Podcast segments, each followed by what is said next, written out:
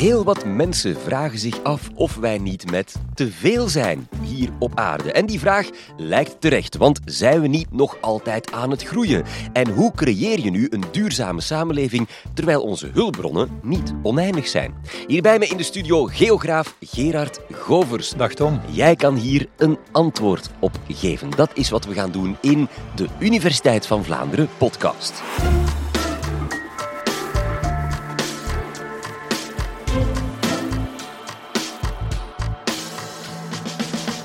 Professor, laat ik bij het begin beginnen. Met hoeveel zijn we nu exact op deze planeet? Weet u dat? Nee, dat weet ik niet. Maar het zijn er ongeveer 8 miljard. En in 1950 waren het er nog maar 2,6 miljard ongeveer. Dat is een serieus verschil. Hoe komt het dat we vandaag met zoveel zijn? Absoluut. En omdat te begrijpen moeten we eigenlijk nog een beetje verder terug in de tijd, naar het begin van de industriële revolutie. En dan zitten we eigenlijk in de 18e eeuw. wat is er toen gebeurd? Wel, toen is er in Engeland een ja, maatschappelijke evolutie geweest die ervoor gezorgd heeft dat we veel meer energie ter onze beschikking kregen, omdat we fossiele brandstoffen, in eerste instantie steenkool, gingen gebruiken. En dat heeft eigenlijk geleid tot een fundamenteel andere samenleving. Net omdat we zoveel energie ter beschikking hadden, werd technologie belangrijker, werd wetenschap belangrijker, konden we veel meer produceren, gingen onze inzichten vooruit. En een van de belangrijkste gevolgen daarvan was dat al in de 18e eeuw in Engeland de sterftecijfers enorm gingen dalen. En tegelijkertijd bleven de geboortecijfers nog een heel tijdje hoog. Ja, en als de sterftecijfers dalen en de geboortecijfers die blijven hoog, dan betekent dat natuurlijk dat uw bevolking heel snel gaat groeien. En datzelfde fenomeen heeft zich ietsje later in West-Europa afgespeeld en speelt zich nu vooral af in het globale zuiden. In Sub-Saharisch Afrika zijn eigenlijk de sterftecijfers pas goed en, en snel beginnen dalen na Wereldoorlog 2. Dus dat is veel later. Die sterftecijfers waren daar ook nog een beetje hoger, dus die daling is daar heel spectaculair gegaan. Geboortecijfers blijven hoog en dat leidt natuurlijk tot een enorm sterke bevolkingsgroei in Afrika. Dat is dus al een tijdje aan de gang. Eh, die trend, blijft dat geboortecijfer zo hoog? Nee, want dat zou natuurlijk de totale ramp zijn. Als de sterftecijfers dalen, geboortecijfers blijven hoog, ja, dan blijft de bevolking natuurlijk heel sterk aangroeien. Maar wat we zien na verloop van tijd, maar echt pas na verloop van tijd, is dat ook de geboortecijfers beginnen dalen. Met andere woorden, de bevolking ziet, kijk, die sterftecijfers zijn gedaald. De risico's dat we onze kinderen verliezen, die worden veel kleiner. Tegelijkertijd worden ook een aantal van die vrouwen ingeschakeld in, laten we maar zeggen, de bredere samenleving, in productieprocessen en wat nog meer. En dus die hebben ook minder tijd om met kinderen bezig te zijn, die willen in andere dingen investeren. En dus zien we omwille van die twee hoofdfactoren dat na verloop van tijd, dus dan zijn we in Engeland ongeveer eind 19e eeuw, dan beginnen die geboortecijfers ook spectaculair te dalen. En laten we zeggen, een halve eeuw later zijn die weer op het niveau van de sterftecijfers en dan stopt de groei van de bevolking ook. Dominee Malthus, die heel veel mensen wel zullen kennen van het woord Malthusiaans ook, als de man die eigenlijk de, de ramp van de overbevolking aankondigde, die leefde op het eind van de 18e eeuw. En dus zag hij eigenlijk dat toen de sterftecijfers heel sterk gedaald waren, terwijl de geboortecijfers nog hoog waren.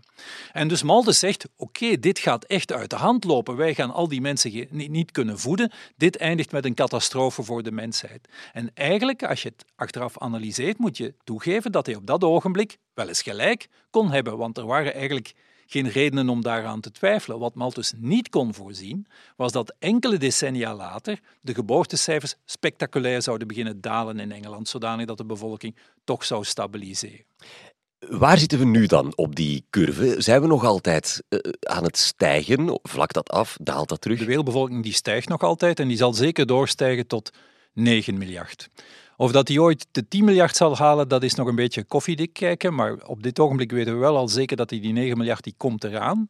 En dat komt niet omdat bij ons de bevolking nog heel sterk groeit. Want ja, in België zitten we nu met 1,6 kind per vrouw, per jonge vrouw. Een jonge vrouw zal gemiddeld 1,6 kinderen hebben uh, in haar leven. Dus dan groeit je bevolking niet meer. Integendeel, dan gaat ze krimpen.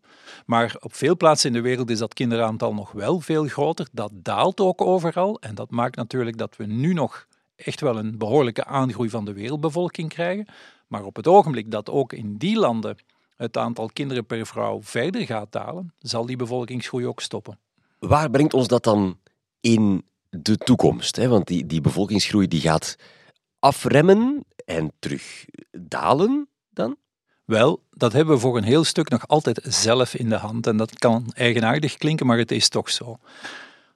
Vrouwen gaan minder kinderen krijgen op het ogenblik dat ze empowered zijn. Als ze zelf meer vat op hun leven krijgen, als ze scholing hebben ontvangen, als ze zelf een carrière uitbouwen. Dat is één belangrijke factor. De andere belangrijke factor is de kindersterfte. Vrouwen gaan meer kinderen krijgen als de kans dat die kinderen op jonge leeftijd overlijden hoog is. Dus als we die kindersterfte terugdringen en ervoor zorgen dat vrouwen overal ter wereld snel meer scholing gaan krijgen, dan gaat die bevolkingsgroei veel sneller stoppen dan wanneer dat we zeggen laat maar gaan. Dus het aanbieden van kwaliteitsvolle scholing, kwaliteitsvolle medische zorg in het globale zuiden is daarin cruciaal. En over hoe cruciaal? Wel, als we dat heel goed zouden doen, zoals, we dat, zoals dat verlopen is in de beste landen in het zuiden, dan denken we aan Taiwan, Zuid-Korea, dan zijn we in 2100 terug met 7 miljard. Dan zijn we al over de piek heen en dan zijn we aan ongeveer 7 miljard. Doen we niks, dan kunnen we best eindigen met 11 à 12 miljard. Dus dat verschil is gigantisch groot. Die bevolkingsgroei, dat is niet iets wat op ons afkomt en waar dat niks aan te doen is. De wijze waarop dat we onze samenleving inrichten, zal daar echt wel een belangrijk effect op hebben. Tussendoor krijgen we dan een samenleving met minder kinderen? Gaan er minder kinderen op de wereld zijn op een bepaald moment? Op termijn wel. Op dit ogenblik is het zo dat tussen 0 en 5 zitten we aan, aan, een 500, 600 miljoen kinderen op dit ogenblik.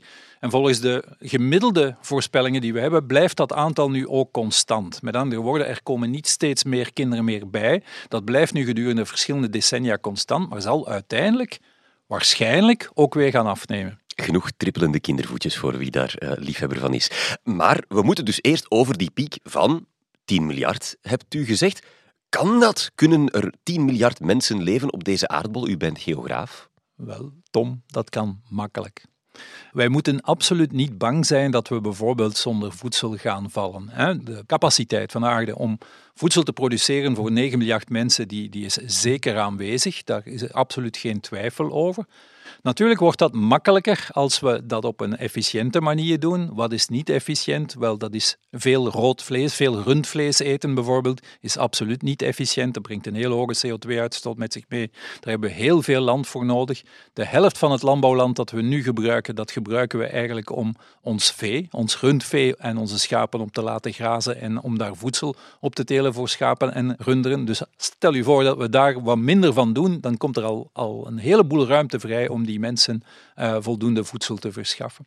Als het dan gaat over andere hulpbronnen, ja, er zal nood zijn aan nog meer materialen. Dat is absoluut zo. Als we iedereen een waardig leven willen bieden op deze planeet, zijn die materialen er in principe wel. In principe zeker en vast wel, maar we gaan natuurlijk ook voor een economie moeten zorgen die veel meer circulair is dan de huidige. Dus dingen maken, ze gebruiken en ze weggooien, dat gaat er een beetje uit moeten en we gaan moeten gaan naar een circulaire economie waar we dingen maken, ze gebruiken, ze recycleren, ze gebruiken, ze recycleren, ze gebruiken, zonder dat we die materialen verliezen. Ja, dat gaat over voedsel en over uh, materialen, over, over bronnen. Energie, eh, dat is ook een heel hot topic. Gaan we genoeg energie hebben om 10 miljard mensen in leven te houden?